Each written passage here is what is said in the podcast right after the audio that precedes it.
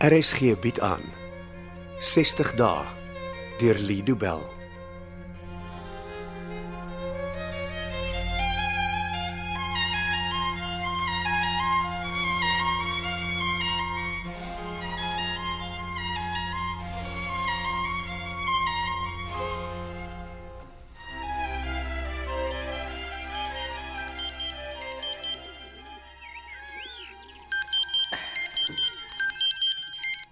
Hallo, Hallo. Lauren. Hi Susan. ek het geweet of jy met my wou praat. hè. Natuurlik wil ek met jou gesels. Regtig? Lauren, ons is aan vriende. Ja, vriende. Is jy okay? Ek klink bietjie af. Uh, ek ek is okay. Ek is okay. Ek is bly jy het gebel. Ek wou gestel by jou, maar Dr. Loos het gesê ek moet tot vandag toe wag. Hmm, ek het vergeet. Generaal Magda se permissie is nodig om enige iets by nou wat te doen. Ja, as jy vrees vergeet jy maar vinnig hoe dinge by Nova Sentrum werk. Jy's nie 'n gevangene nie, Lauren. Jy weet wat ek bedoel. En jy kan nie met my strei en sê jy voel nie nou vry nie. Ja. Dit is lekker om weer by die huis te wees. Die huis. Ek dink jy wou nie meer onder dieselfde dak as Karel woon nie. Nee man, ek het gemaak soos ek gesê het ek sou. Jy het by jou ma ingetrek. Ja. In dieselfde kamer wat jy gebly het toe jy kind was. Nee, my dogter bly nou in my ou kamer. Slaap jy op die bank in die sitkamer? Nee, ek is darm in een van die gastekamers. Oh. Wel, ek weet jy dit voel lekkerder as die kamers hier by Nova. Nog nie regtig daaroor gedink nie, maar jy is seker reg. 'n Plek waar daar nie sulke streng reëls is nie, voel beter as een waar daar heeldag toesig is. Ek raak al so moeg van die plek. Lauren, jy jy gaan nie weer wegloop nie, gaan jy? Wel, ek dink ek wil, Susan. Lauren, wat gaan dit help? Nova sentrum doen niks meer vir my nie. Jy's vir so kort tyd terug by die sentrum. P- p- Probeer nog vir ten minste 'n maand of so Wat uithou. se verskil sal 'n maand nou maak Maar dit sal vir my tyd gee. om wat te doen Ek weet nog nie, maar ek moet iets doen. vir my? Ja, ek ek wil iets doen om jou te help. Hoekom? Want ons is vriende, Lauren, en vriende help mekaar. Ek weet nie hoe ek jou kan help nie. Elke dag wat ek by Nova was, het jy my gehelp. As dit nie vir jou was nie, weet ek nie wat van my sou geword het nie. Dit het die gevoel ek het jou gehelp nie. Wel, baie eendag toe jy so eeg gebeur het. Ag, Ek sal daai nag nooit vergeet nie. Ja, jy het behoorlik klontjies gekry. Ek wou die nagsuster gaan haal het, maar jy het gesê ek mag nie. En jy het dwars deur die nag by my gebly. Ek het gesien hoe bang jy was. Jy het eintlik verstaan wat met jou gebeur het. En jy het nie opgegee nie. Jy het my ondersteun en gehelp toe ek dit die heel nodigste gehad het. Ag man, dis nie so 'n big deal nie. Lauren, dis 'n baie baie groot deal. Ek dink nie jy verstaan hoe groot nie. Ek het net die nag by jou gebly en seker gemaak jy's okay. Dis al. Jy het dit gedoen terwyl jy met jou eie verslawing geworstel het. Ugh, Dis meer as wat ek van enige van my ander vriende kan sê. Wel, is omdat ek verstaan waarmee jy sukkel. Ek bel my vriende so een vir een. Almal is vreeslik bly om te hoor ek is okay, maar nie een van hulle nooi my om by hulle te kom kuier of om hulle iewers vir ete te ontmoet nie. Ek het nie meer 'n enkele vriend oor nie. Die een van die goed wat drugs vinnig van jou af wegvat is jou vriende. Maar dit hoef nie so te wees nie. Mense maak vinnig besluite oor jou en as dit eers gedoen is, sal niks hulle van plan laat verander nie. Mens moet maar seker nuwe vriende maak. Lauren, skus, dit dit lyk asof daar iemand anders is wat my bel. Ge- Gee om as ek jou later terugbel. Mm, nee, is okay. Onthou ek's altyd hier vir jou. Mm, ek Jy weet ek sal nooit my rug op jou draai nie. Ja, ek weet. Beloof my net dat jy nie sal weghardloop nie. Dit raak elke dag moeiliker vir my om hier te wees, Susan. Lauren, b- bly asseblief net daar waar jy veilig is tot ek 'n behoorlike plan gemaak het. Beloof my. Ek beloof. Ons praat weer gou. Ah, oh, okay. Bye. Hallo? Susan, Nee. ek kan hoor dis jy. Ek bedoel nee, ek wil nie met jou praat nie. Wag nee, a- asseblief Susan. Johan, toe jy in die restaurant by my kom sit het, het ek dit so duidelik gemaak as wat ek kon. Nee, Johan, nee. Hoe het ek dit reg gekry om op 'n mal mens verlief te raak? Ah, Hoe durf hy? Ah, Hou op! Hou net op, Bel. Praat met my. Asseblief moenie weer neersit nie. Jy kan bly wees. Jy staan nie nou voor my nie. Ek wens ek was daar.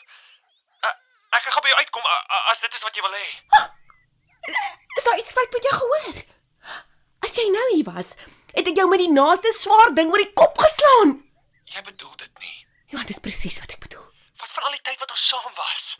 Wat daarvan? Het het dit vir jou niks beteken nie? Jy jy weet ek is 'n alkolikus. Regtig? Wat bedoel jy met regtig? Ek tog is net 'n storie wat jou prokureur vir die hof vertel het om jou uit die tronk uit te kry. ja, ek weet jy hou van 'n drankie elke nou en dan, maar jy is nie alkolikus nie. Elke liewe keer wat ek en jou ontmoet het, sonder enige uitsondering, was ek so ver van nugter as wat ek kon wees. Ek is 'n alkolikus.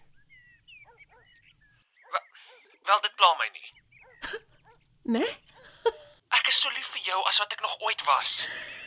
Johan, ek het van jou gehou voor die ongeluk, maar daai aand het al jou maskers afgeval. Wat jy daai nag aan my gedoen het, het my gewys wat se tipe mens jy is. Susan, ek het 'n fout gemaak en en ek is spyt daaroor. Spyt.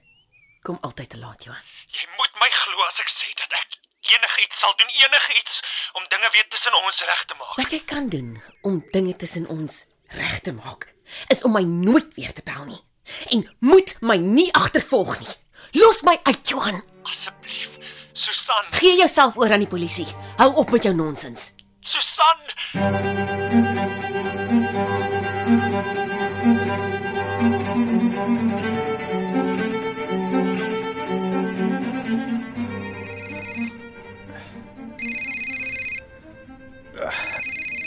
Susan, Uh, hallo Richard. Jammer om te pla.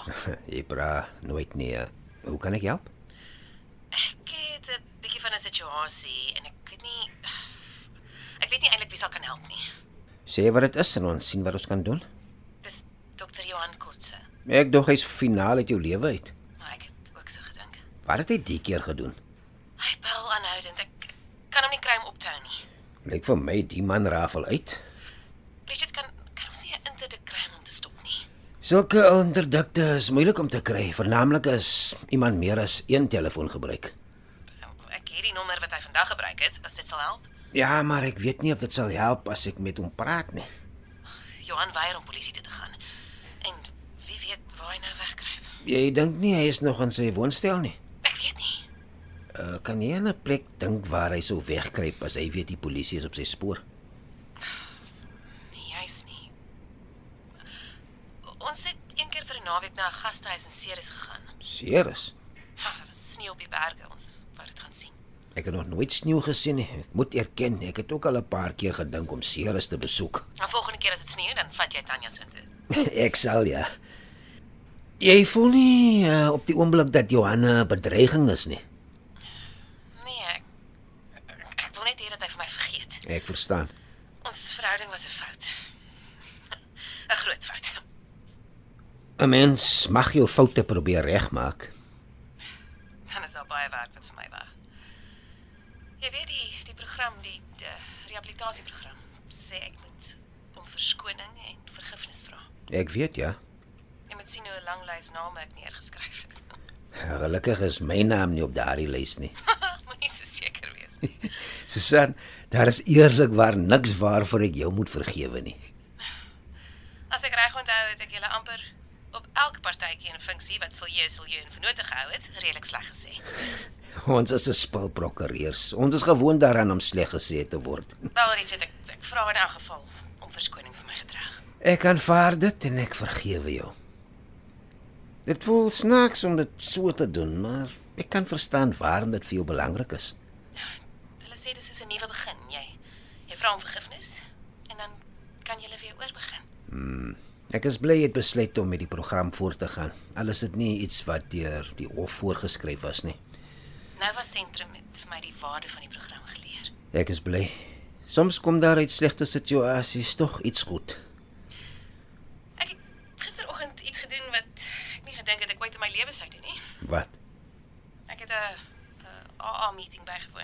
Jy sal nooit weet hoe bly dit vir my maak om te weet jy doen dit nie.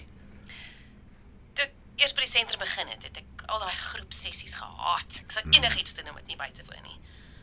En nou mis ek die kameraderie. Daai groepie mensies wat bymekaar kom en besluit om niks anders as die waarheid te praat nie. Dit het hoeveel mense al oor die jare gehelp. En nou ja, die program vir jou. Ek weet en daar broei iets in my kop. Ek ek wil teruggee aan die wat my gehelp het.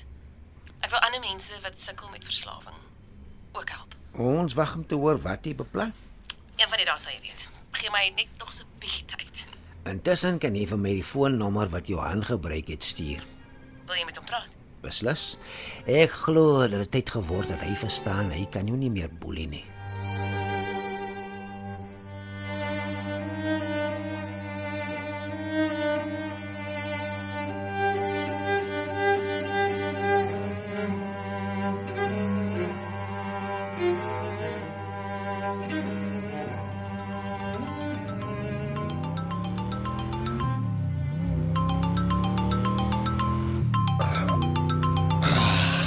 Dis nie Susan nie. Wie bel my nou? Hallo, Kan ek met dokter Johan Kotse praat? wie's jy? Ek is Richard April, eh, Susan se leese prokureur. Uh ja, wa wat soek jy? Praat ek nou met dokter Kotse? Eh, Ja, dis reg. My kliënt het gevra dat ek jou moet herinner dat sy nie meer enige kontak met jou wil hê nie. Ek sal dit eerder graag van haar wil hoor as haar prokureur. Jy het haar vanoggend gebel, al het sy jou gevra om dit nie te doen nie. Vir wat meng jy in tussen my en Susan? Dokter Kotse, ek tree op onder instruksie van my kliënt.